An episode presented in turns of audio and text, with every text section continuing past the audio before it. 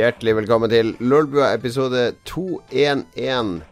Eh, et veldig spesielt tall, er det ikke det, Lars Rikard? Magisk tall. Ifølge mayaen så skal jorda gå under i år 211. En av de mange årstallene det jorda skulle gå under. Så reviderte de etter hvert, da. Var det sånn at de valgte noe for alle år som fantes? I det her året så kommer uh, Gamle-Erik til å prompe, og i det her året så mm. kommer fiske Det er jo dårlig fiske og Ja, de hadde rett med den der Dette året kommer eh, Pepsi Cola. Det, det var det eneste de traff på. Ja. De spådde vel også metoo i 2017. Da skulle det komme en metoo-skandale. Ja, er bra vi bruker Maya-kalenderen her i Lolbua. Eh, nei, det jeg tenkte på, var 211. Det her vet vår gjest. Vi har en meget eh, hyggelig gjest i dag.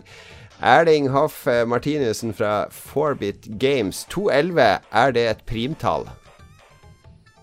Du må ikke spørre meg om sånne ting. Jeg har bare laget et spill om å som handler om matte og sånt. Det, det, er ferdig med det nå. Nå driver jeg ikke Du har, du har laga et spill om å flytte primtall. Ja. Da regner jeg med at primtallrekka er memorert ganske høyt? Nei, det, det driver vi ikke med, faktisk. Det, det er ferdig med. Nå er det ute, så nå er det aldri mer matte. Nei da. Det hadde jo vært litt morsomt hvis, uh, hvis vi var så uh, godt planlagt og gjennomtenkt i Lolbua at vi valgte Vi måtte vente til en primtallsepisode før vi kunne ha Prime Mover-skaperne som gjest. Ja. Ok, Jeg visste ikke at uh, det, det spillet som du nettopp har sluppet, Erling Hoff, det er jo Prime Mover. Og jeg, det, det, falt meg ikke inn, jeg er så lite matteorientert, falt meg ikke inn at det handler om primtall. Så Så smart det er. Hva var det du tenkte på at det var sånn Optimus Prime i, i Autobots og Transformers?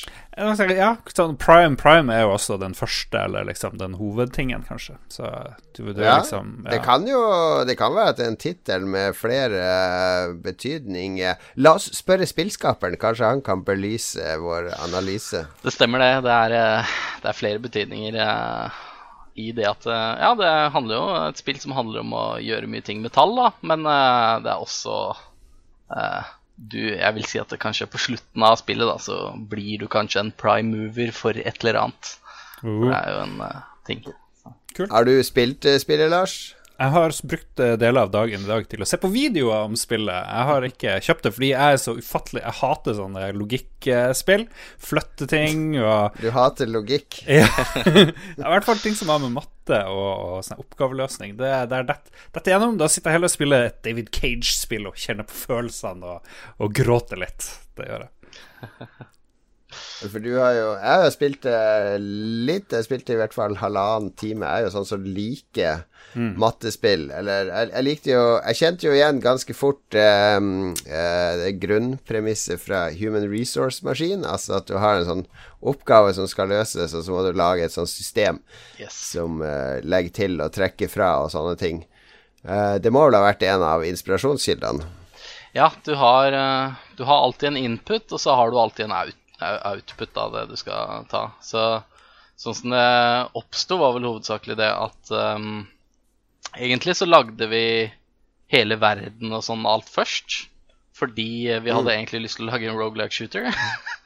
eh, som var satt i samme universet. Um, uh, men så blei det liksom Vi så at uh, det var et utrolig stort uh, spill som vi bare Vi kan ikke lage det akkurat nå, så kan vi lage et spill som egentlig liksom skulle være funding til det større. da, Nå blei egentlig det bare helt lagt på is, og så blei den store kjærligheten for Prime Mover, da, for det var jo liksom Mm. Det ble liksom en kul greie ut av det.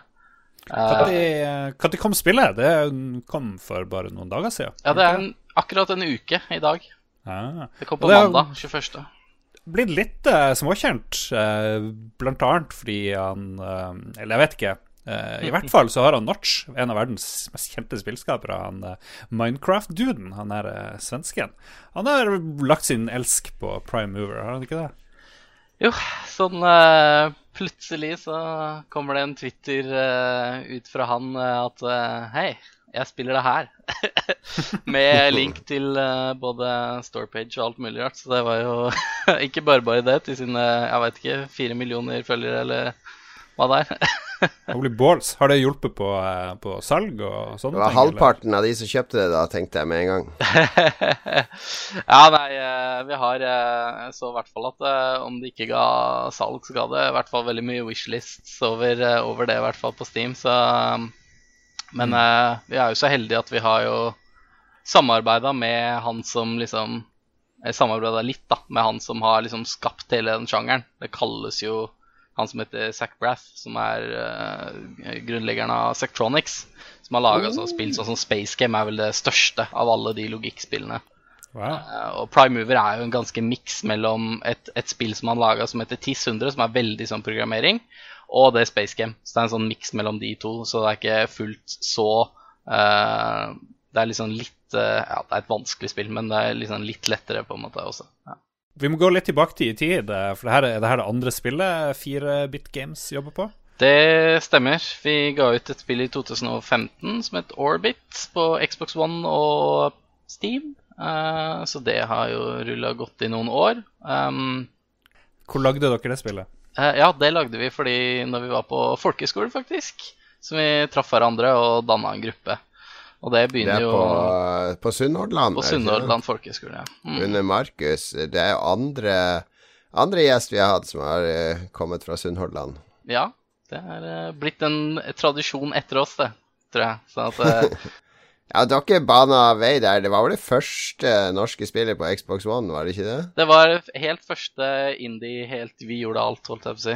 Jeg tror Rock Ja. Pocket kom ut akkurat litt før, men de fikk Sierra Push sånn rett Mm. foran oss i, inn i der. Men eh, sånn helt indie så var det oss.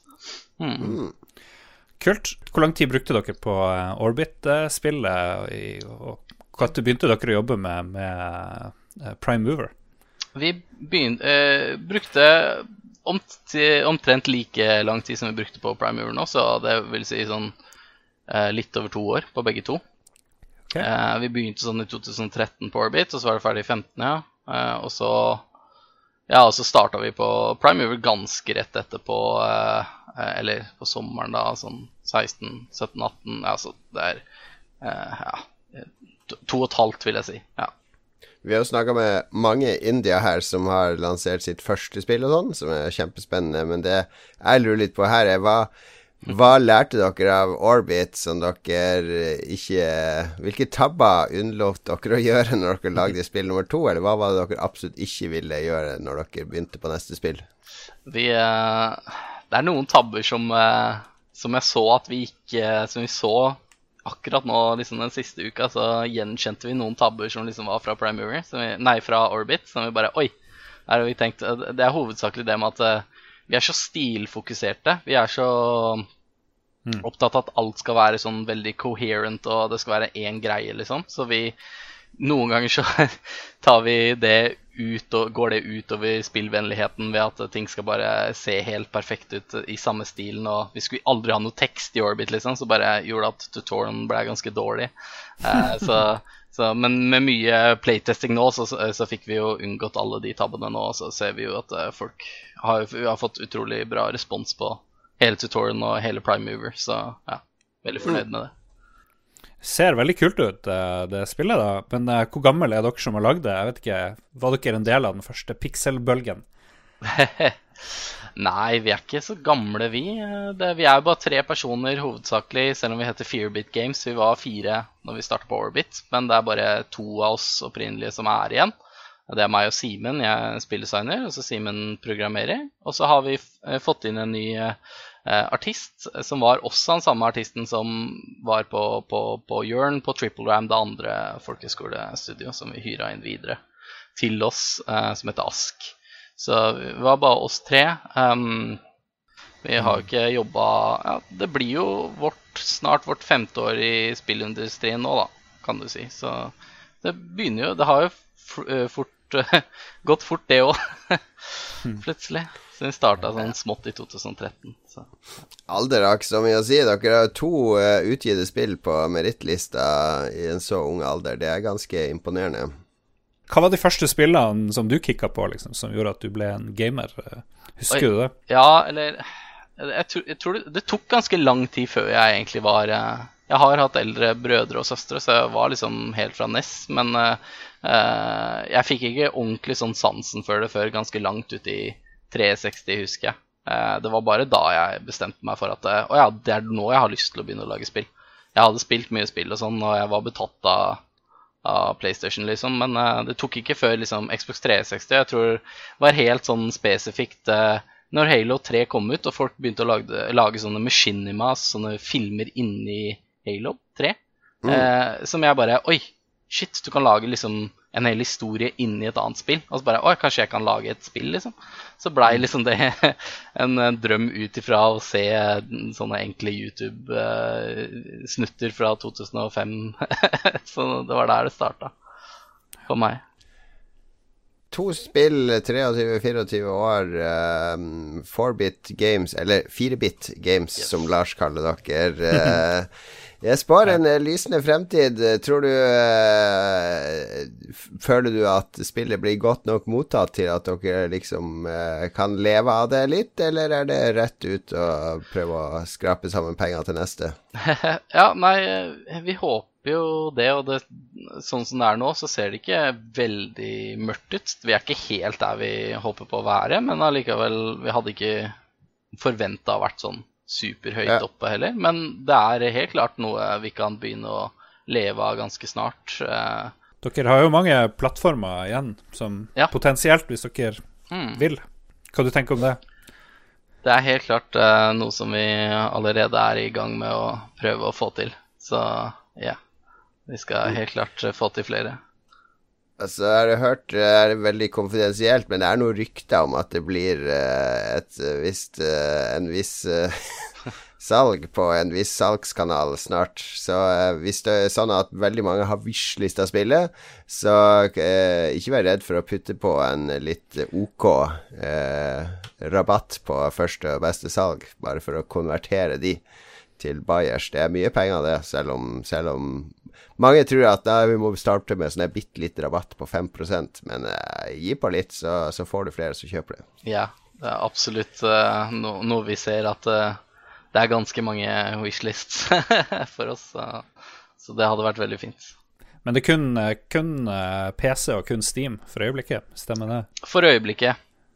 Nå har vi Jeg har nettopp kjøpt inn en Mac, så det blir jo Eh, Eh, Mac og Linux er vel det neste, og så videre for det. Så hvis, det, hvis, hvis jeg skulle spå, uh, spådd noe, så hadde jeg nok sagt at vi prioriterer Switch før Xbox eller PlayStation. Det kan jeg si. Ja. eh, og før vi anbefaler folk å vente på noen salg, Ja, så nei, synes jeg jeg jo, hadde ikke gjort synes jeg jo Nei, nettopp. Det er 120 kroner, det tåler vi når vi skal støtte norsk eh, Lolbua-lytterne er, de- er de rikeste podkastlytterne i Norge. De er ikke sånne fattigslarker sånn som hører på Spillmatic og hiphop og ikke har penger til Ja, noe som helst. Ja. Så, eh, så Lolbua-lyttere, løp ut og kjøp Prime eh, Mover og støtt eh, Erling og, og gjengen med Ja. En liten slant. Det har du råd til. Det koster like mye som en øl på Tilt, for guds skyld. Vi kan, eh, vi, kan, eh, vi kan si at i chatten så forteller han Mattis Delrud, også spilleutvikler spillutvikler og tidligere gjest, spiller Prime Mover for øyeblikket. Klin umulig å komme seg forbi andre nivå. Aldri følt meg mindre intelligent. det er litt det jeg frykter, da. Det det jeg frykter. kanskje du og, og Mattis skal lage en, en Facebook-gruppe for, for oss som ikke kommer forbi nivå to på jeg tror det. Det er et uh, vanskelig spill, og det er jo egentlig det vi går for òg. For det, nisjen har lyst på at det skal være liksom Det skal jo ikke være piece of cake heller. Det handler jo om å lage kretskort og oppgaver, liksom. Det starter fra jeg lager liksom en enkel tellemaskin som teller opp til en hel prosessor på slutten av spillet, liksom. Så det blir ganske Ah, Spoiler! Spoiler!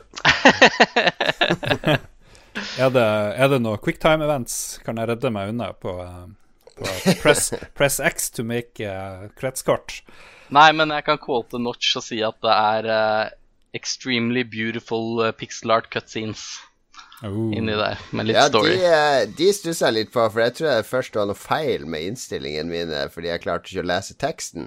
Men så skjønte jeg jo at den teksten er bare sånn tullealfabet. Men det er sikkert ekte Jeg kan sikkert desifrere det på et eller annet vis, har jeg funnet ut. Det er helt klart, og det gjorde folk dag én, så det er tilgjengelig å, finne der ute allerede, Mm. alle som har gjort det. Ja, men Det er en kul greie. Det, bare, det skapte sånn mystikk, så jeg ble veldig nysgjerrig på hva som egentlig sto der. Så, så det er godt gjort. Det er mm. godt gjort. Vi skal høre på litt musikk, og så skal vi dele litt mer fra våre liv i det siste.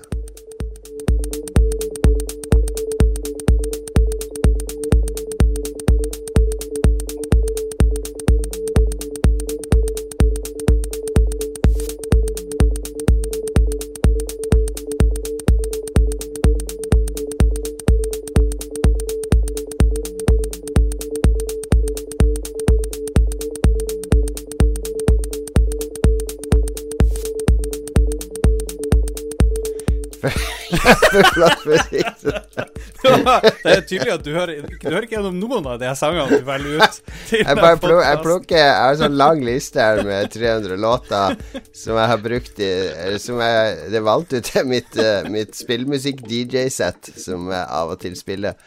Uh, altså Veldig mye av det som jeg aldri har egentlig hører på. Det var valgt ut fordi det funker i et DJ-sett. Men det her var fra Pixel Junk Eden, da. Eh, et PlayStation eh, Indie-favoritt på, på, PlayStation. Jeg kjenner flere som likte det. Skru opp litt, la oss høre litt. Nå skjer det noe.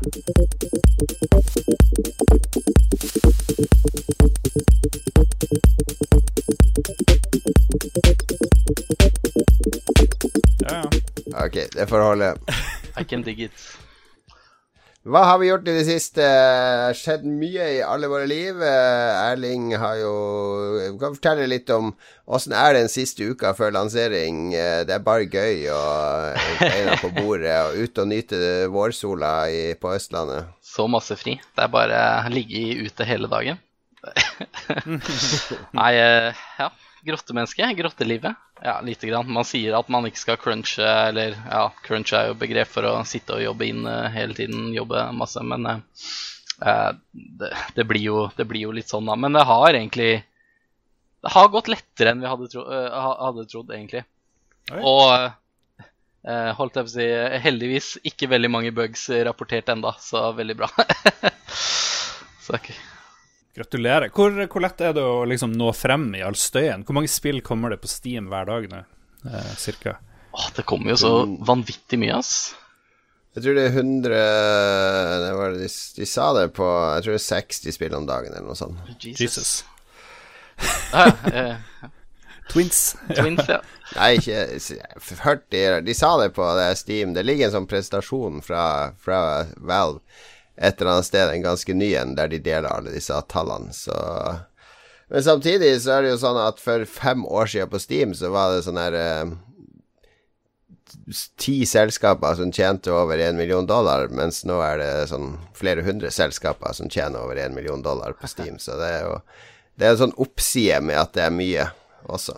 Heldig for oss er vel at vi bruker noen sånne, noen sånne tags som er ganske nisje, og gjør at vi er veldig godt synlige hvis man søker det, da, som programmering eller uh, eller, uh, ja, eller simulation er jo ganske mange, men uh, særlig programmering, da. Der er det lett å finne oss. Har dere bestukket noen streamere for å liksom En shroud, eller jeg vet ikke. og de har tålmodighet til å spille det. Nei, vi har hatt noen kule, noen, kule, noen franske og noen små. Og, ja, litt, sånn, litt store og litt små. Det har vært ganske koselig. Og veldig kult å følge med på når du ikke har peiling på hva de sier, og bare prøve å tyde. Eh, det er noe automatisk oversettelse du kan gjøre med Google på Twitch-chatten, så det er bare prøve å bare Også særlig når han ikke skjønner en ting, og så har jeg lyst til å prøve å kanskje bare hinte litt, og så prøver jeg å runne det gjennom Google Translate for å bare purple på fransk, liksom. Ja. Nei, det er gøy. Hvor er du sitter, forresten? Du, du er i et uh, veldig allsidig rom med ja. tredemølle, par sånne stasjoner, og så ser det litt ut som at uh, du er en kjeller samtidig. Jeg vet ikke helt hva ja, det, er, uh, det er egentlig barndomshjemmet mitt, som ja. jeg og dama har tatt over. så jeg bor uh. her. Så jeg har et hus i Spydeberg, da. Indre Østfold. det der han, det der de er Det eneste jeg vet om Spydberg, hva tror du det er? Ja, Petter Solberg. Gjett oh, hvem som har hatt samme engelsklærer. Kan, du prate, kan du prate litt engelsk for oss? Si I think I'm very good at English. Nei da. Nei, jeg, jeg håper jeg er litt bedre enn det. Men uh, det, det, skal sies, det er faktisk en veldig god engelsklærer, da. Uh, det var egentlig bare han uh, Petter Solberg som Han trengte ikke å lære seg engelsk, for han skulle bli snekker. Han skulle jo ikke, han skulle ikke, han skulle ikke lære Trengte ikke engelsk, for han skulle ikke bruke det i jobbsammenheng. Så, så feil kan man ta. Det var det, det, var det Jesus òg sa. Hva skjedde med han? Er, er, er Spydeberg Jeg har vært der én gang, og det var selvfølgelig for å sitte på Henning Solberg sånn PlayStation-event. er, det, er det Spydeberg veldig dominert av Solberg-arven? Er det alt det handler om? Er det, er det, skal du ta over trona, da? At det handler ikke lenger om, om motorsport der, men spillutvikling?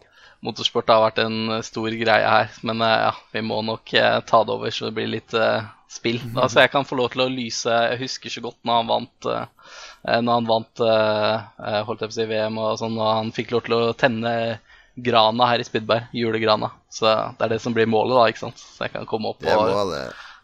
Tenne den via en sånn komplisert hjemmelaga prosessor der uh, innbyggerne må pusle sammen en masse biter, sånn at det blir lys i, i grana.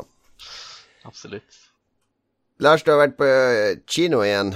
Vært på kino. Jeg må jo nevne at jeg har vært og sett eh, Solo, A Star Wars Story, om selvfølgelig han Solo. Eh, for ivrige fans så har vi lagt ut en, eh, en ny episode av Filmbilen, hvor jeg kommer veldig dårlig ut av det hele, så ikke se på den på Facebook-gruppa vår. Jeg satt og hata i første 15 minutter, tror jeg. Uh, drev og lo høyt av sånn Chewbacca-prat og sånn som var hele tida bare føltes veldig plagsomt. Og så, sakte, men sikkert, så kjente jeg at uh, fuck it, jeg skal bare ha det gøy. Jeg klarte å koble ut hjernen, sånn som jeg gjør veldig sjelden på Star Wars-filmer, for det er jo, det er jo superalvorlige greier, ikke sant. Ny gjør det ganske ofte ellers, da. Nei, det gjør jeg ikke. Uh, Star Wars har jeg jo hatt store problemer med å like noe som helst nytt, men jeg begynner å komme meg, og Han Solo er vel den, liksom Etter trilogien så er vel det noe av det jeg syns var morsomst i Star Wars-universet. Jeg hater jo de nye filmene fremdeles, da, de der uh, de episode 7 og 8 og sånn her, de klarer jeg fremdeles ikke. Men uh, solo-storyen, veldig mye morsom humor. Lando Calrissian, han Hva han heter han? Childish Gambino, han der fyren der, er veldig bra som Lando, og han som spiller han Solo, er jo veldig kul, osv. Bra skurk er det òg. Superbra skurk. Takk for meg. Er det noen spørsmål? Dere har ikke sett? Jeg har ikke fått sett den ennå, dessverre. Ja, Det blir jo veldig kjedelig når jeg liksom bare skal ikke spoile noe som helst. Så, jeg dro på kino i går, men da var det Deadpool. Ja. Men det er jo litt Det er jo du har vel vært på premieren på alle store Star Wars-filmer? Nei, den her har jeg ikke orka å se. Jeg var i Sverige når, når, den hadde premiere, og så Jeg kan vente til den kommer på iTunes. Det er ikke noe hast. Jeg tipper det er det de fleste tenker, og jeg lurer på hvorfor tenker folk det. Har de liksom blitt litt lei av Star Wars, eller er ikke han solo liksom tingen? Nå var jo jeg med deg og Mats på kino i Oslo nå på den Infinity Wars på den der store kinoen på Storo, den der Imax-kinoen. Mm. Som var en veldig kul kinoopplevelse, da. Så jeg tenker hvis jeg skal se den her på kino, så må det være der. Fordi den går jo der, og den er filma òg i det formatet. Ja. Eh, men samtidig, det er helt fullt, og så koster det jo sånn her 270 spenn eller noe sånt å, å gå på ja. den kinoen. Uh, og da meg Det blir for mye hassle for meg, da. Da kan jeg like godt se den i stua på iTunes når den kommer. Ja. Terningkast fire fra meg, kanskje. Svak, svak firer, tror jeg. Ja, ja, ja. Verdens beste film, terningkast fire, altså. Ja. Jeg har vært Jeg røpa jo det allerede. Jeg har vært i Sverige i fire dager. Var jeg på Nordic Game. Eh, masse møter og eh, Hva er Nordic Game, for de som ikke vet det? Nordic Game Conference er en årlig konferanse i Malmö, Sverige, der den nordiske spillbransjen møtes. Der er det liksom folk fra CCP og uh, IO og uh, masse norske spillutviklere og finske og noen svenske. De svenskene er jo så arrogante. Så de Stockholmsfirmaene de, de, er veldig var mot å dra til Malmö. Det er jo helt uh, Ja. Men det er jo i Malmö fordi det er rett ved København, og det er kort for oss i Norge å reise dit, osv. Det er bare mm. de Stockholmsfolkene som Så altså Dice og sånn er veldig sjelden der. Uh, så uh, det, er, det, er, en kjempe Du har vært der du, Erling, har du ikke det? Jo, jo. Det er veldig koselig. Ja. Jeg syns jo av alle de her store konferansene, så er jo det den hyggeligste, fordi det er liksom som et stort familietreff. Uh, så jeg, jeg, hang masse med han ene av de to uh, Playdead-founderne, han Dino, som, som lagde Limbo og Inside og sånn. Uh, for, uh, Fikk du noe skup? Skup? Neste insider, kan hende det heter. Han, han har jo slutta i Playdead nå, men han satt der på et sånt panel sammen med han sjefen for uh, um, Fat Shark. Det er de som har Vermintide 2. Uh, som solgte en mill på, uh, på første måned på Steam. Uh, Møtte, møtte, rett og slett sånn folk fra alle nivåer i, i, bransjen. Og så alle er veldig snakkesalige på Nordic Game. Det er det som er greia. Det er ikke sånn på, på Masse bra møter. Kjedelig. Ble det noe fyll? Ble det noe sandaler? Nei, ja, det ble litt uh, alkohol. Det ble jo, hadde jo Vi hadde jo klart å, å booke vi i Krillbad en litt sånn shabby Airbnb. Uh. Uh, som jeg vil, jeg vil, kalle det ganske shabby når uh, den, den, så helt OK ut på Airbnb, men så når vi kom dit, så har huseier skrudd ut alle lamper og sånn, så det var én lampe i hele Airbnb-en. Altså, kjøkkenet fikk man ikke lov å bruke, det var ingen håndkle, det var ingen wifi. Det var men, fem men, men, men, vi som kjenner deg, Jon Cato, du ja. hater Airbnb fordi du aldri har vært på en bra Airbnb. jeg har ganske dårlig hitrate på Airbnb. Eh, min, mine kolleger er veldig glad i å bruke Airbnb. Det er veldig smart når du skal spare penger, fordi det er jo billigere enn hotell.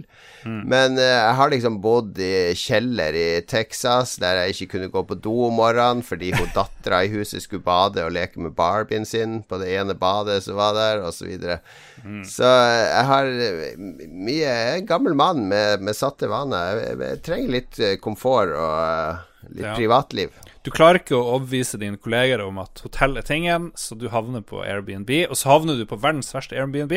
Ja, dette var verdens verste. Det var en eller annen uh, dude som leide ut. Uh, jeg møtte aldri han da, men han hørtes sketchy ut fra mine kolleger. Og så prøvde vi å gå Vi fikk bare én nøkkel. Ja, her er vi fem stykker, skal jeg Ja, fordele den nøkkelen her. Uh, altså, inngangsdøra var litt sånn knust, og ja, fem senger stua sammen i en stue. Så jeg eh, Vi, vi sjekka jo ut på Airbnb, det her stemmer jo ikke med beskrivelsen. Og da hadde han fjerna hele uh, leiligheta fra Airbnb, da, for at vi ikke skulle kunne sjekke det ut der, da. Han, hadde han planlagt å drepe dere alle? Ja, jeg, tror, jeg, trodde jo at vi skulle bli drept i løpet av natta av når alle brødrene hans kom, eller noe sånt. Men uh, jeg, uh, jeg, klarte å få meg et hotellrom, så jeg forlot mine kolleger der i, uh, i Bohem-Airbnb-en. Ja, du er jo en CEO, det er jo på tide at du lever det CEO-lifestyle her. Hvor bruker du for lite av pengene til selskapet på egen luksus? Kan det stemme? Jeg, jeg bruker ikke så mye av det på meg sjøl, det skal jeg innrømme. Det høres ut som det er et potensial her du kan utnytte. Eh, men uh, jo da, det, det, gikk helt fint. Nordic Game er kjempebra. Og det var jo så sykt bra vær i år også, da, så det var bare digg å sitte ute og, og prate med folk på uteserveringer og her og der. Det ble litt alkohol, det ble litt eh, god mat. Grei mat. Så kjørte jeg opp og ned. Hjemturen var veldig hyggelig. Det var jo vår tidligere gjest Mattis Machineboy, Milkmaid Mm. Of the Milky Way-utvikleren, han uh, satt på i bilen. Burde jo egentlig, Det tar jo fem timer å kjøre. Vi burde egentlig bare tatt opp hele bilturen, for det var ja. kun snakk om gamle Amiga-demoer og mm. Shareware, og det var gull, Lars. Gull! Du hadde elska å høre det. Ja, ja, ja. Du må ta med lydopptakeren på neste tur til Nordic Game. Jeg skal gjøre det.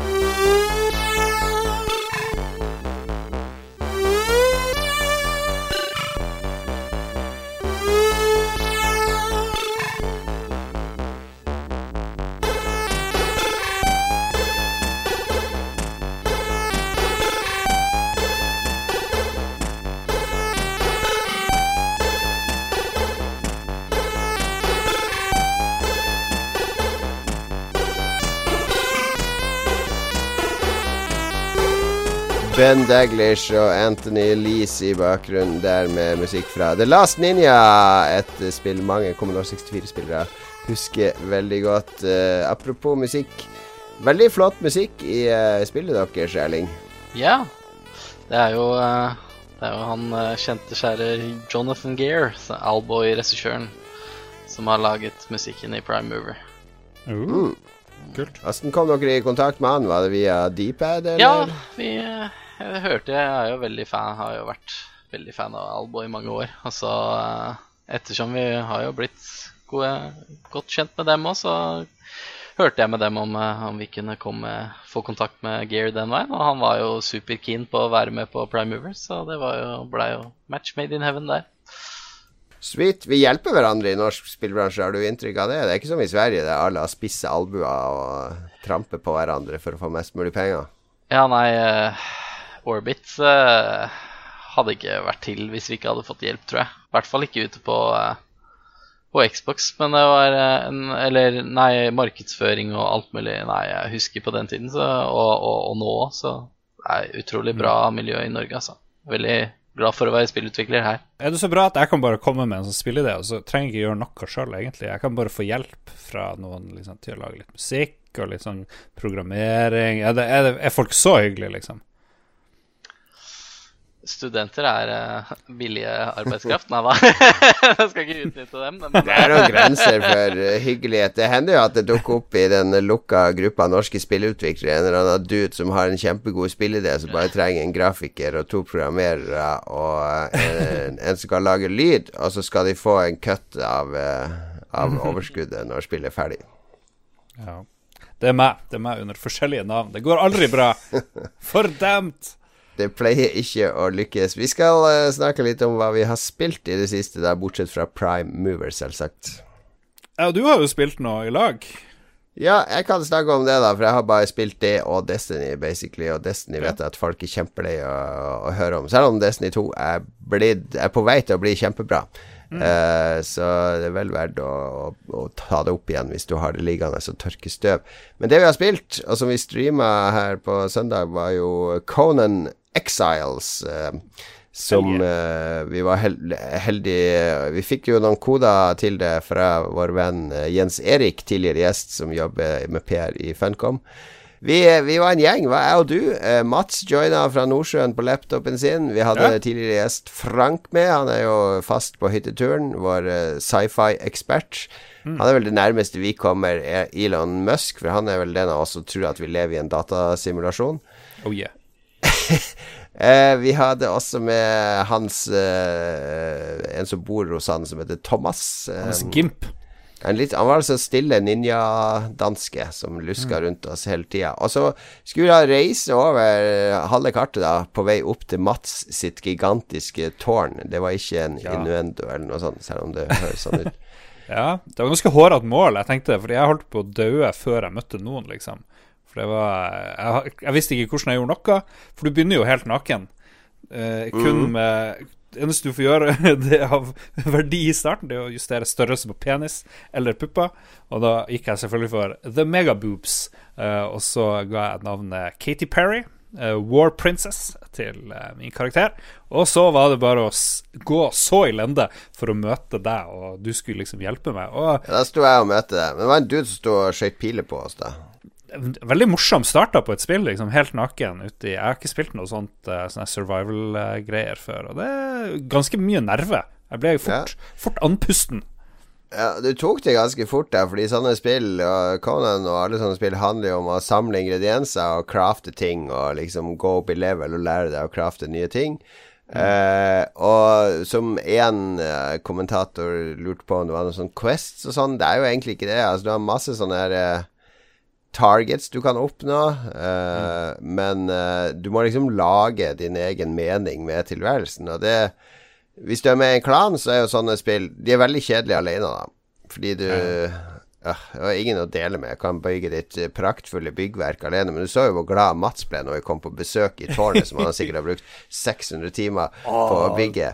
Hvor glad han ble for å vise fram tårnet sitt. Det var jo gigantisk. Og med, fordi pga. spillmekanikk så måtte han ha fem dører. Ikke sant? Du har én dør som du åpner, og så kommer det en ny dør, og så kommer det en ny dør, og en ny dør, og en ny dør. Men sånne spill er jo veldig morsomme hvis man er en klan og man spiller flere. Ikke bare for at man skal gå i en gruppe, men for at man kan, man kan jo samarbeide om byggverk og, og, samle materialer til hverandre og planlegge ting. og mm. Og, og, så blir det noe sånn buffing. Det er jo en PVP-server, så det kan jo komme folk og prøve å bryte seg inn og alt mulig sånn, så ja. Nei, det var konge, og så var det det var jo en lang tur nordover, ikke sant? Ja. Nordøstover. Holdt på å daue. Møtte store drager. Nordvest, ja. Eh, møtte sånne svære ting. Og plutselig så, så hadde vi jo eh, heldigvis masse bodyguards. Plutselig dukka Mats opp, ikke sant. Han var jo ikke med i starten. Og bare slo til en drage sånn for sånn her 30 meter av gårde. Eh, masse sånne morsomme, rare ting som skjedde. Det var litt som uh, Fellowship of the Ring, bare at vi spilte det. Men det var første gang du spilte sånne her spill, eh, Lars. Ga det mersmak? Absolutt, absolutt. og så prøvde vi å eh, jakte sånn her hjort. Ble jo springende i ti minutter etter den hjorten klarte å drepe den. Men det er jo så lenge man er i lag eh, og har noen mål Man lager noen mål for seg sjøl og en liten story, så er det konge. Og det lover veldig bra, det her Konan. Det gjør det. Du har ikke bare spilt Konan, da. Du har spilt uh, din, ditt nye favorittspill fra David Cash. Yes, jeg har nesten Jeg streama hele veien og er nesten ferdig med Detroit Become Human.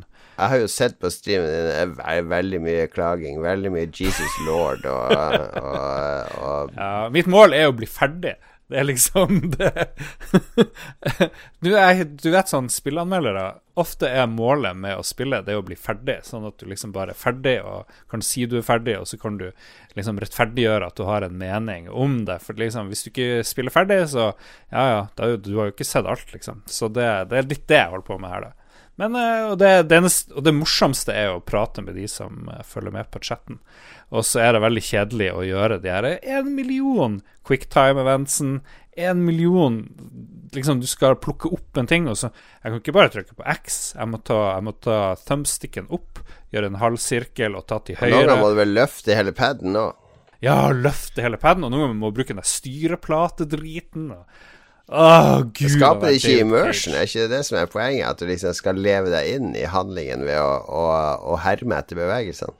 det det gjør, er jo at et, et firetimersspill varer i tolv timer. Det er jo det det gjør. Men storyen, da. Det er mange som sier at storyen er eh, bedre enn den har vært i David Kars-spill før, og at den engasjerer mer og sånn. Blir ikke grepet av den, da? Jeg liker veldig godt verden, men kun gjennom det fysiske. Hvordan folk ser ut, og design, og farger og locations og sånt. Eh, og, og, også karakterdesignet. Det er veldig veldig bra, og stemmeskuespillere er konge. Men når det gjelder det de sier, så er det, og handlinga, så er det jævlig mye Du har alle de her klisjeene fra Blade Runner til alt mulig, sånn her AI til Jeg vet ikke alt stort av uh, science fiction du har sett eller lest eller spilt eller sett på film, det er i uh, Detroit Become Human. Jeg, Så, jeg husker jo spesielt godt fra Heavy Rain, hvor at uh, hvis du ville ha instant uh, fest, festhumør rundt, så kan du bare loade opp en av de der quicktime, sånne sinnssykt intense quicktime-eventsene, og ikke spille spillet, og bare la spillet gå for seg sjøl. Basert på alle de der komiske tabbene som skjer automatisk av spillet bare spiller, og du snubler, og du løper, og alt mulig sånn. Du trenger egentlig ikke å spille. Det er mye morsommere å bare la det bare gå. Altså, bare ser du alt det dumme som går an å snuble på en melon, og så bare 'Unnskyld, jeg mente ikke å tyrke ja. Så bare la det gå, liksom. Jeg vet ikke om Detroit er så mye sånn, men eh, ja, det, det, er Jeg tror det er akkurat det samme. Men jeg har klart å fucke opp eh, selv om jeg har spilt aktivt, så alle er døde av karakterene mine.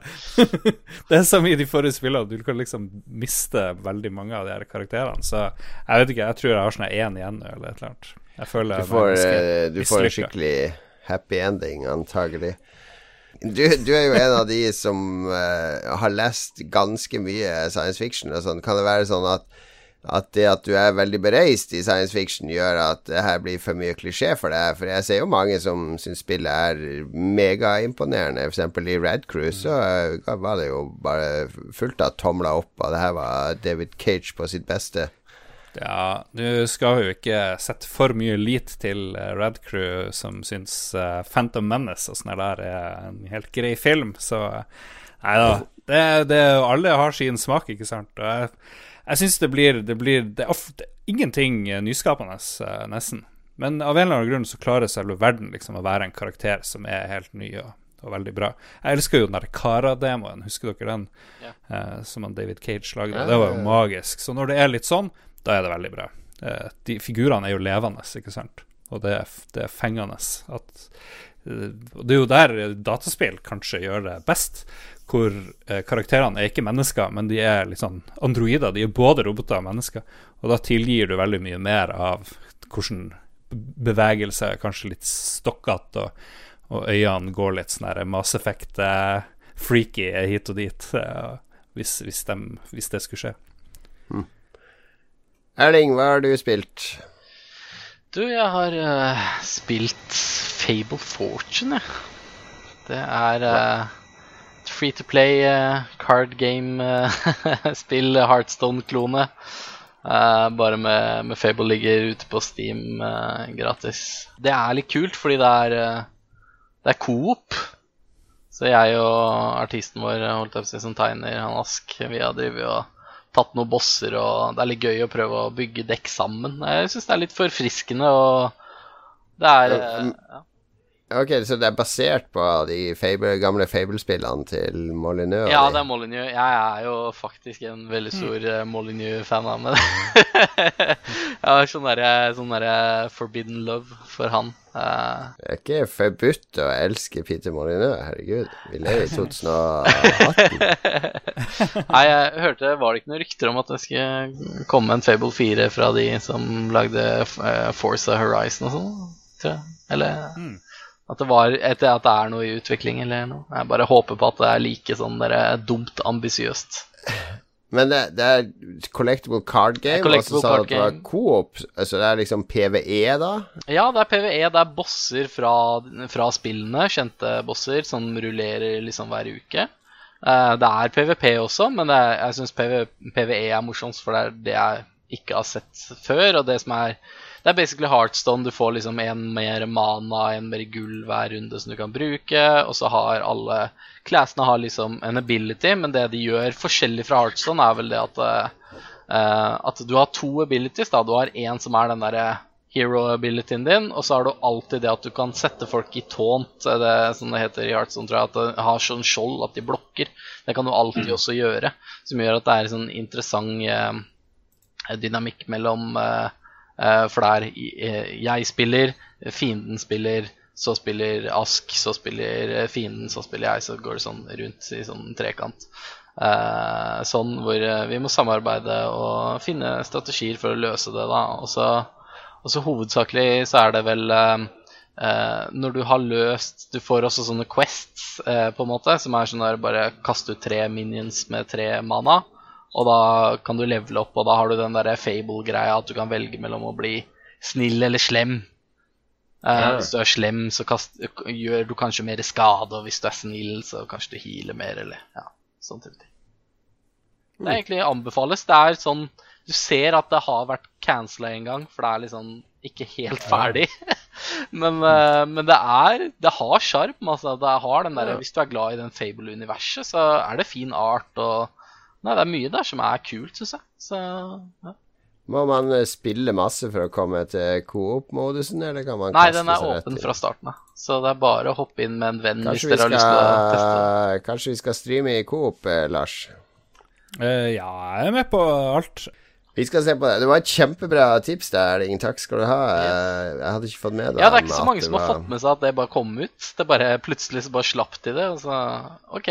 Altså, jeg er veldig Fable-fan, så jeg måtte jo sjekke det ut. Og så, ja, vi har hatt det ganske gøy. Hva, hva er det beste Fable-spillet?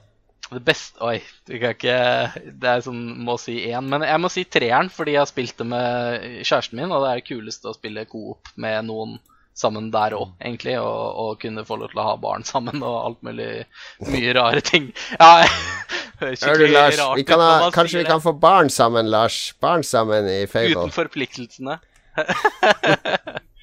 Nei, men Nå fikk, fikk jeg litt sånn savn etter Fable. Det, er jo, det var jo en veldig koselig verden. Veldig sjarmerende. Med eh, Artstylen er det jo ingen andre som har Ja, etterlignet. de naila det der britiske, europeiske fairytale-stemninga, ikke den Mm. Ja. der slikke amerikanske, eh, litt sånn Lord of the Rings-stemninga. Ja. Voice acting var også kul. Hva het han fyren som var forteller, eller hva han var? Han der eh, som hadde QI, eller noe Var sånt. ikke Var ikke han stemme? Eh, Jo, John Cleese er med, og Stephen Fry og alle de der eh, Fry. Alle de ja. kjente britiske eh, komi komikerne og sånn er jo med der. Så det er utrolig bra voice acting. All right, det var våre spillanbefalinger denne uka. Vi hører uh, Freezepop, som uh, har noe på hjertet. De vil ha less talk og more rock, så vi får vel innfri uh, ønsket deres. Det var Lars? Do it.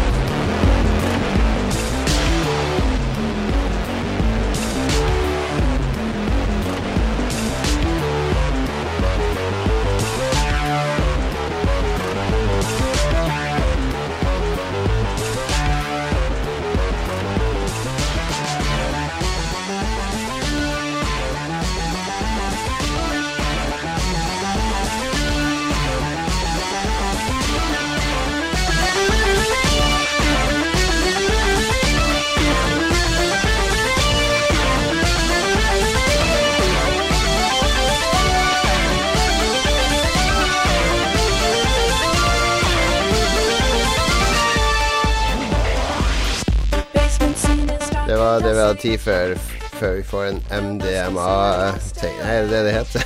MDMA-takedown. Det er noe annet. Det er noe du får ut på vestkanten i Oslo. On the, on the dance floor. Det var det vi rakk før, eh, før noen kommer og sier at vi bryter en eller annen lov. Eh, eh, de har ikke fått med seg at 'information wants to be free', man. Uh, Spillnyheter. Ah, shit. Spillnyheter. Det jeg, jeg liker ikke å lese opp spillnyhetene, men uh, vi Når får Mats kjøre ikke er her, så er det du. Det blir, ja, det blir kort, kort og uh, brutalt. Uh, spillpersonligheten John Total Biscuit Bain døde 24. mai, tror jeg det var. 33 år gammel. Og selv om Mats ikke er med, så har han sendt en kommentar, da. Eh, han sier eh, Han beklager dødsfallet og sier 'Dette er tragisk. Jeg burde ha tatt han med i mitt Deadpool', sier Mats. Oi, det var brutalt, Mats. Too soon, eh. Lars. Too soon, ja, du får si det til Mats. Det må jeg si, altså. Det er ikke jeg som har skrevet den vitsen der i det hele tatt. Total Biscuit, han er død, og det har blitt mye bråk. Blant annet har noen BioWare-ansatte sagt at 'tusen takk for at han er død', og så, og så blir det krise, og så blir det forsvinner fokus. Men han var jo en kontroversiell karakter, så dødsfallet hans eh, følger liksom det her eh, kontroversielle fotsporet. Ja, han hadde jo kreft, må vi si, så det har jo ligget i kortene i flere år at han skulle komme til å dø. Men han har jo holdt på. Han starta vel med Wow Radio eller noe sånt. World of Warcraft radio. Og sånn personlig ga han meg ingenting, fordi den der arrogante, bedrevitende fremtoningen, selv om han av og til sa ganske fornuftige ting. Han gjorde mye for indiespill en periode, og han henta fram masse indiespill som han gjorde kjent. Jeg tror Warframe var liksom vokste enormt på grunn av han, fordi han elska Warframe. Så, så han var helt grei, men han eh, Ja, han eh, ble Han var en sånn kar som, som liksom skulle være så nøytral og, og objektivitetens talerør og sånn, så han stilte seg jo liksom helt i midten når det var Gamergate, men samtidig så vet du hva han gjør, fordi han liksom pleier ved å ikke ta standpunkt Eller ved å liksom ikke ta standpunkt, så tar han liksom et standpunkt allikevel. Så det var Ja, det var mye kontroverser rundt han en periode. Det var, det, det var en rørende tale, minnetale for eh, Total Biscuit. Erling, var du eh, fan av eh, Total Biscuit? Jeg har uh, alltid syntes det har vært veldig morsomt med at han alltid, hver eneste video, starter med å gå inn i settings i alle spill. For å se at uh, du kan slå av motion blur. Eller Field noe of. View og Motion Blur. Ja. men det var Hver eneste gang. Ja, men som PC-spill Han var en av de som liksom eh, elska PC-spill, og var liksom PC-spillernes talsperson. Alt det var helt topp. Jeg, jeg likte det veldig godt. Men man må liksom holde seg til det man kan, og ikke bare bli eh, en eller annen ventilere søppel og alt mulig, fordi eh, det ble en del sånn i en periode. Ok, neste nyhet. Uh, Battlefield 5 fra det svenske studioet Dice ble presentert i forrige uke. Denne gangen blir det mulig å spille som kvinner, og det har jo selvfølgelig uh, fått reaksjoner, det òg. En rekke gamere har protestert høylytt på avgjørelsen, og vi har fått en kommentar der òg, uh, fra, fra, noen av lytterne våre. Jeg har eh, lenge angrepet kvinner på nettet anonymt, men det blir for dumt hvis de kan slå tilbake, sier en misfornøyd spiller til Lolbø. Jeg føler at den der vitsen fungerte bedre sånn skriftlig, må jeg si. Hva er noe med fremføringa di? Har du ikke øvd foran speilet? Nei, jeg har ikke øvd noe, men jeg skjønner at standupen ligger langt unna der. Da. Det gjør det. det er veldig morsomt å se deg bråke rundt eh, Battlefield 5, da. Jesus lord. Tenk at, tenk at folk kritiserer at det er kvinner i spill pga. at det er historisk feil. Det er liksom det er, sånn, det er helt crazy for meg. Det er helt vilt. Jeg har aldri syntes at Battlefield 5 var Eller Battlefield-serien var liksom så veldig realistisk. Eh, og det er jo realistisk å fly en F-16 og så hoppe ut og skyte en annen F-16 med bazooka fra lufta, og så eh, går du i fallskjerm, og så lander du rett på en slagmark der du kaster tre granater mot noen fiender. og jeg vet ikke. Nei, det er, det er, helt sånn dissonans mellom Det er jo bare ventilering av et eller annet hat eller sinne. Jeg prata med min 17-åring om det her, for jeg må jo probe de kidsa og høre om de faktisk er sinte på det her. Han kunne ikke bry seg mindre. Jeg Tror ikke du har lov å si at du prober kidsa. det det er mine kids, jeg kan probe de hvis jeg vil. Men uh, jeg tror det, er, det, handler jo om uh, Det er jo det men's right-tullet som ligger bak her. Det er jo ingen som bryr seg, egentlig. Og hvis det er så viktig for deg, så Jesus Christ, gå og spill noe annet, da. Hvis, hvis, hvis sånne ting skal avgjøre om du ser filmer eller eh, lese bøker eller spille spill, så, så, vær så god, lev i den verden hvis du vil, men eh, slutt å spre din eder og galle. Og det dummeste er jo de samme som klager på Å nei, det er ikke realistisk med kvinner i andre verdenskrig. De, de vil også ha eh, Hvorfor får vi ingen Battle Royale-modus? Ja, for det var masse Battle Royale-moduser i andre verdenskrig med sånn 100 engelske soldater som skyter på hverandre, mens en ring blir mindre og mindre. Det er, helt, det er total dissonans. Uh, Erling, du, uh, jeg har jo sett mange sterke innlegg om uh, hvor du går mot det her kvinner i Battlefield 5. Ja, av meg? Ja, Spesifikt av meg. Nei, ja, for jeg syns også det var veldig mo morsomt, fordi jeg, spesifikt jeg, bare syns at jeg, når jeg fulgte med på revealen og sånn, jeg syns jeg ser for meg at den går bare mindre og mindre bort fra liksom den der realistiske tingen. At jeg syns ting så mye mer cartoony ut enn det vanligvis gjorde, og det er mye mer customization. Du kan ha klo som hånd, og jeg veit ikke hva du ikke kan ha, liksom. Så jeg skjønner ikke hvorfor folk ikke reagerer på det, hvis det er liksom realismen de vil ha. Men uh, bare karaktermodellen og sånn virker bare mye mer sånn der, Det ser veldig pent ut, men uh, det ser Jeg syns det har gått liksom litt nærmere Fortnite, liksom. Men uh, det er sikkert ja, kanskje de, fordi De hadde jo et spill som het Battlefield Heroes, for yeah. de som husker, som var et free to play-spill som var veldig cartoonish. Så um, det lener seg jo litt mot det. Det er vel litt mer Bad Company, litt mer uh, stil og farger, og de har nok lært litt av Fortnite. Jeg så til og med en som klagde over at protesene var urealistiske. Jesus Christ. Siste nyhet, siste nyhet. Folk på nettet tror at Metal Gear Solid-skaper Hideo Kojimas neste spill, Death Stranding, finner sted på Island.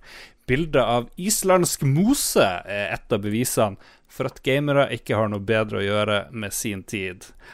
Boom! Denne nyheten har du tatt rett fra Lolbua sin Instagram, tror jeg, Lars. Eh, ja, der òg. Følg med på Lolbua på Instagram. Det er mye, my, my, mange flere spillnyheter enn det du får her, finner du på instaen vår. Har du åpna whisky nå? Hello, boys. da må vi avslutte snart.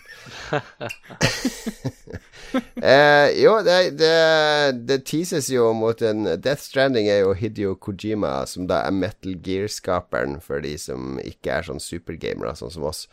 Uh, sitt nye spill. Uh, han slutta jo i Konami og fått masse penger fra Sony, er det vel, for å lage nytt spill. Uh, litt sånn frie tøyler. Han har laga trailere allerede der han der uh, gretne sørstatsduden fra Walking Dead er med, og han Mats Mikkelsen og han uh, mm. Benicio Nei, ikke han Benicio del Toro, men han der uh, Guillermo. Guillermo. Guillermo del Toro dukker opp. Ser veldig spektakulært ut. Aner ikke hva, hva, spilleren skal gjøre i det hele tatt. Det kan være at det blir mm. Detroit Become Human 2. At det er det, det Kojima vil lage. Men uh, det teases fram mot en ny trailer nå som skal slippes rett før eller under E3. Og um, det er ikke bare det mosen som tyder på at det er Island. Eh, I en av de første trailerne så ble det brukt musikk fra et islandsk band. Folk har analysert naturen i den første traileren og kommet fram til at det ligner på Island. Uh, og Kojima, når også var scota locations til spillet, var innom Island. Så, så, det er mange tegn i vinden her. Absolutt, absolutt. Uh, men jeg tror ikke spillet liksom er i Island. Jeg tror bare er inspirert av landskap og drar det inn i en slags spillfantasiverden. Vi har jo også sett en sånn bru, sentraleuropeisk bru kanskje, med noen tanks som kjører over. Jeg tror ikke det var fra Island, liksom. Men eh, vi får vente og se. Kanskje det er noe det er jo en lang sekvens med noen sånne romfolk. De går rundt i sånne romdrakter i en sånn kanskje islandsk vulkanaktig område. Jeg vet ikke. Det er, jeg er veldig fascinert, selv om jeg gjør narr av folk som bruker lang tid på å analysere Hideo Kojima. Så det er et av spillene jeg gleder meg mest til. Du er bare misunnelig på at du må sitte og bruke flere timer på å researche potet på Kvæfjord, en rar potet på Kvæfjord, i stedet for at du kunne sitte og granska mosen på Island og avslørt noe om et spill. Det veldig, veldig inside Harstad Tidende-spøk her, men eh, det er greit. Nærmer seg agurktid, Lars. Hva tror du blir den store agurknyheten i Harstad Tidende i sommer? Håper det kommer noen noe insekter folk ikke kjenner igjen, som de sender inn til avisa, ja. som vi kan finne ut. er, det, er de ferdige å krangle om Aun, er det skal hete Aun eller Aune oppe på Aunfjellet? Ja, jeg tror, det, jeg tror de er ferdige. Det ble noe rart. Jeg husker ikke hva det ble. Men, eh, det, her, ja. det her segmenten er vi bare med, Erling, fordi vi lager en sånn kort podkast for Harstad-Tine, så vi må alltid ha litt sånn lokal forankring som engasjerer det lokalt ja. litt. Veldig bra. Da skal vi høre litt musikk fra en leketøyserie som alle har glemt, nemlig Zoids.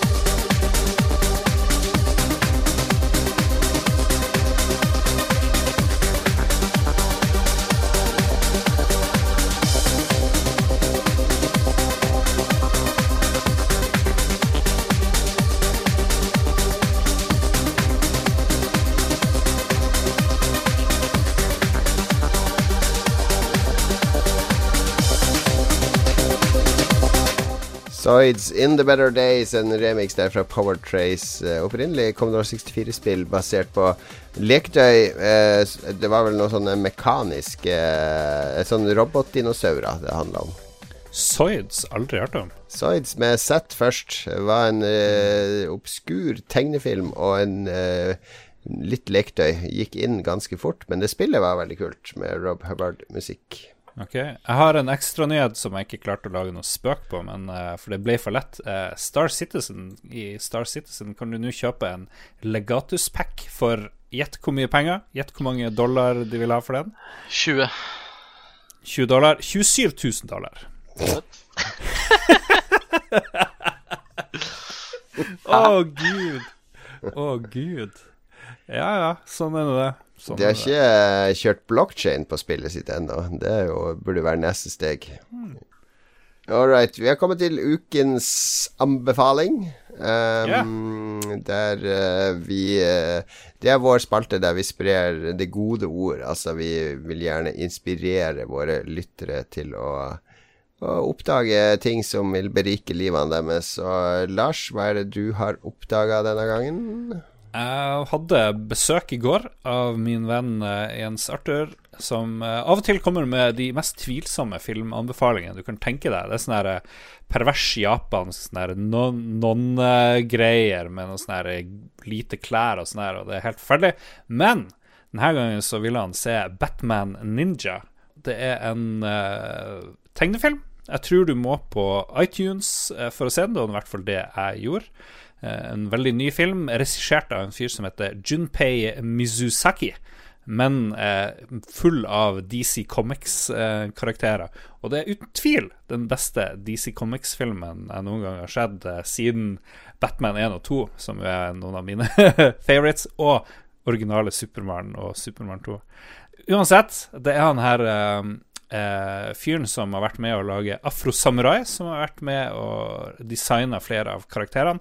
Og artsstilen er bare helt, helt absurd. Du har aldri sett så detaljerte og kule og stiliserte DC Comics-karer. Og eh, det tar helt av. De sendes selvfølgelig tilbake i tid, sånn som i uh, han der Samurai Jack. Sendes tilbake i tid, uh, eller til et eller annet sted. Og de sendes til Japan i en sånn her uh, samurai-aktig tidsperiode. Han, Batman havner et par år etter alle andre, for han var litt unna denne eksplosjonen som sender de tilbake i tid. Så The Joker har allerede lagd sitt store Mekka-castle. og men eh, heldigvis så fin, kommer han uh, Batman i kontakt med den ninjaklanen uh, som uh, driver og hjelper han med ulike ting. Og alle skurkene er der, og alle har sånn awesome stil. Alle har sitt eget castle som kan gjøre forskjellige ting.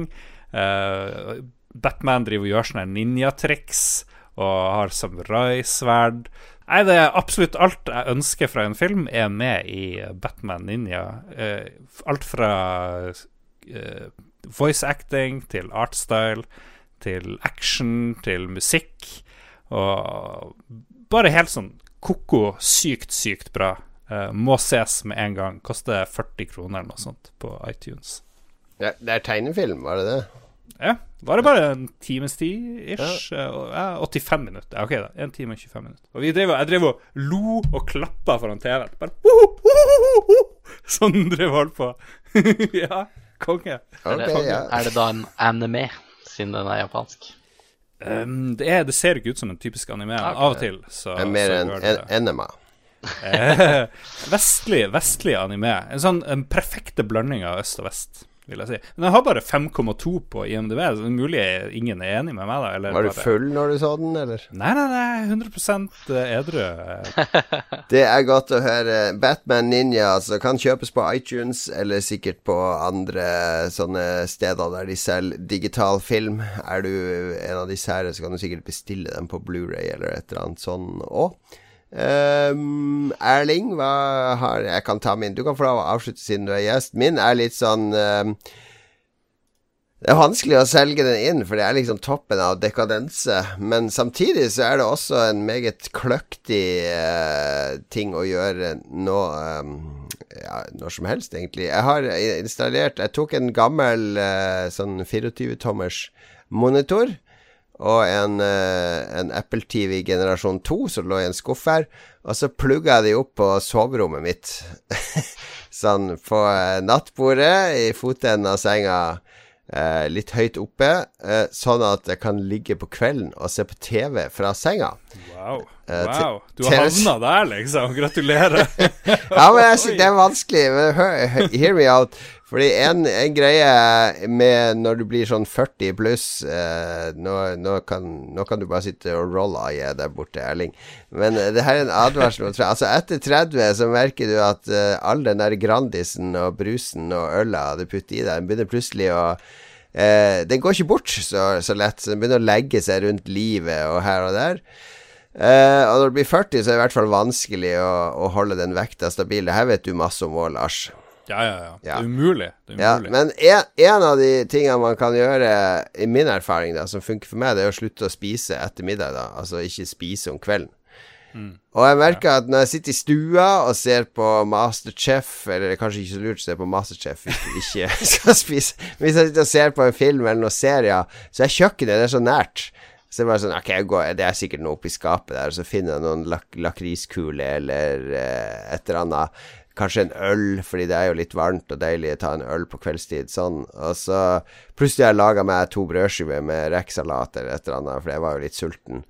Mens hvis jeg ligger i senga, har kledd av meg, pussa tennene klokka halv ni om kvelden etter ungene har gått i seng Da ligger jeg i senga og ser et par episoder av en TV-serie. Jeg orker ikke stå opp da for å lage meg noe mat. Jeg må jo gå ned en etasje og sånne ting. Så det, er sånn sett, du, går i, du, går i, isolat, egentlig. Ja, det, men jeg har underholdninga mi. Jeg ligger der, jeg koser meg foran TV-en, og så har jeg en flaske med vann. Jeg har det jeg trenger, liksom. Men jeg orker ikke. Det blir for mye tiltak å gå og begynne å lage meg mat nå. Nå har jeg jo lagt meg. Herregud. Uh, så uh, TV på soverommet er mitt råd til, til alle som vil uh, prøve å slutte å spise om kveldene. Og det er bare Hvis du spiser en stort måltid sent på kvelden òg, vet du, så utvider du magesekken så at du er, du er like sulten morgenen etter og vil ha mer mat for å fylle opp magesekken. Så, så det er ingen fordel å spise sent på kvelden. Ja vel. Nei, men det jeg har tenkt på det der. Eh, men eh, jeg har bestemt meg. Jeg jeg skal bli jeg skal bli 200 kilo. Det, det jeg tenkte på det her før sending i dag, fordi det var fire unger på besøk her. Altså Huset var fullt av små unger fra første klasse som satt og spilte Mario Kart i stua og hylte og skreik og løp opp og ned trappen med nerfpistoler. Så etter middag, når jeg hadde vaska opp, så gikk jeg inn og la meg litt i senga. I pysjen min og satte på uh, Ben Hur på Netflix. Uh, Og så tenkte jeg det her er livet. Jeg kunne egentlig jeg kunne, Hvis jeg hadde muligheten, så kan jeg ligge her hele livet, da. Altså bare stått opp, altså sykla i to timer hver dag. En lang, lang sykkeltur. Dusja, spist et stort måltid, og så tilbrakt de neste 20 timene i senga. Det hadde jeg kan ikke Hvis NRK vil filme det som et eksperiment, jeg kan gjøre det i et år hvis de betaler meg for det. Så det er Forfall 2. Forfall 2. Det, det bedagelige, den bedagelige midtlivskrisen. Mm. Ja. Erling, du skal få din anbefaling sist. Men vent nå, før vi går til Erling. Du, anbefalingen din er Hva var egentlig din anbefaling? Å sette TV på soverommet og tilbringe kvelden i senga foran TV-en i stedet for i stua foran TV-en. Men uh, jeg er helt enig, fordi jeg har slutta å spise kveldsmat, jeg òg. Og jeg har gått ned sånn tolv kilo av å gjøre det, så Nettopp! det anbefales faktisk. Det er... Jeg bruker det. ja. Veldig bra. Nei, men, du, men, du, har en annen anbefaling òg, Erling? Ja, jeg har en annen. Og det Jeg må Hvis jeg får muligheten, så må jeg alltid preache om uh, yndlingsbandet mitt, uh, som heter Wolfpack. Som er et, amerikansk, et amerikansk band som er bare det kuleste.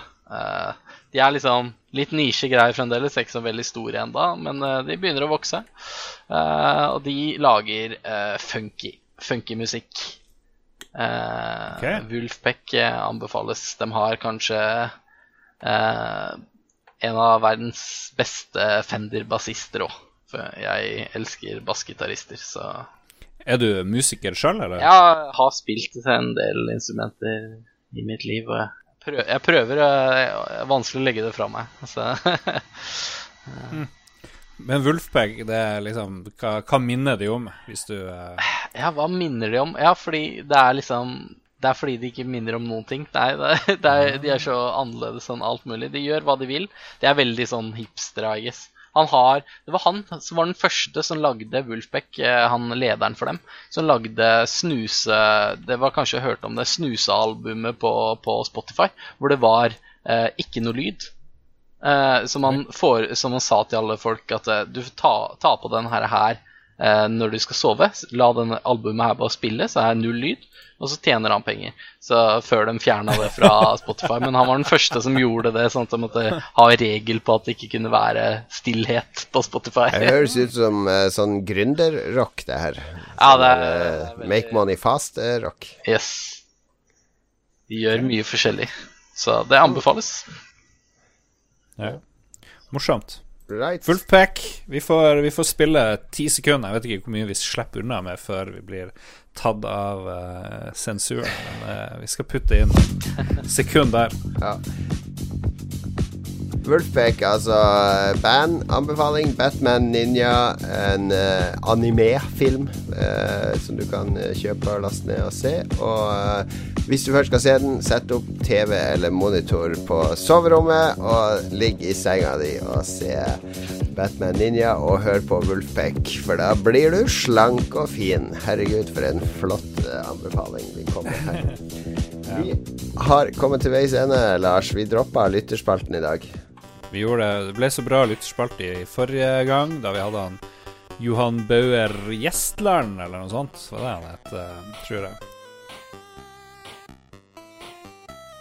Ja. Som lagde Fugl.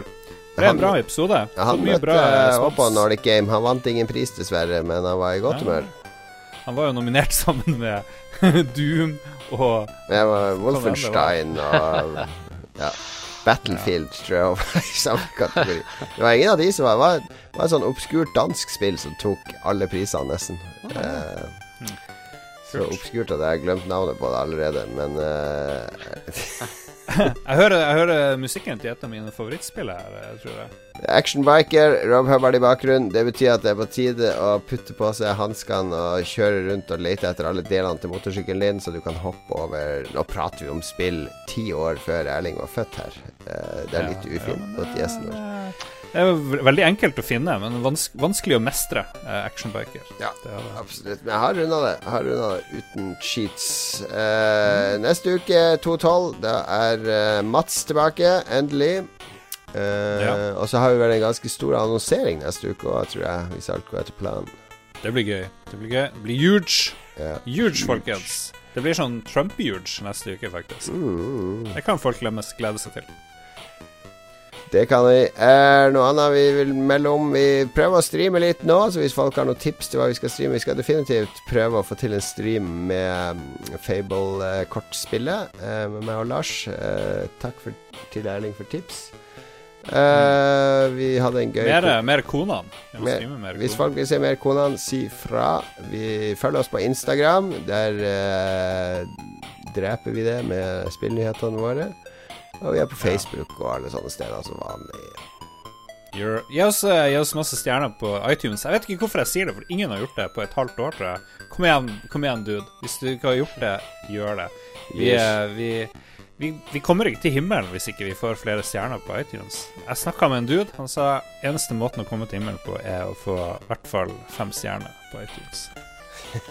Da er det mormonerne, de, de som jeg har nevnt tidligere. Jeg fikk, kunne fått de til å gi deg fem stjerner, da, siden du slapp de inn, da. Du kunne slippe de inn mot at de går på iTunes og gir fem stjerner til Ja jeg, gir, jeg gir fem stjerner til mormonergjengen glatt. Jeg gjør det. Sist, men ikke minst, så anbefaler vi alle å sjekke ut Prime Mover på Steam. Et genialt uh, puzzle programming, uh, logikkspill laga i Norge. Takk for at du var med, Erling. Takk, du var en ypperlig gjest, og lykke til med salg og fremtiden. Tusen takk.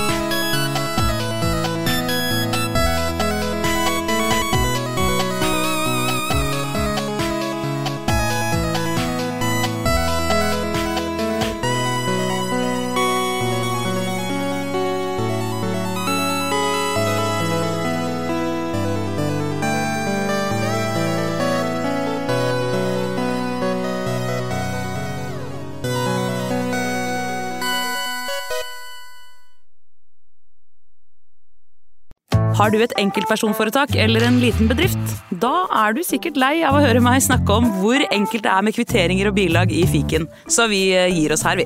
Fordi vi liker enkelt. Fiken superenkelt regnskap.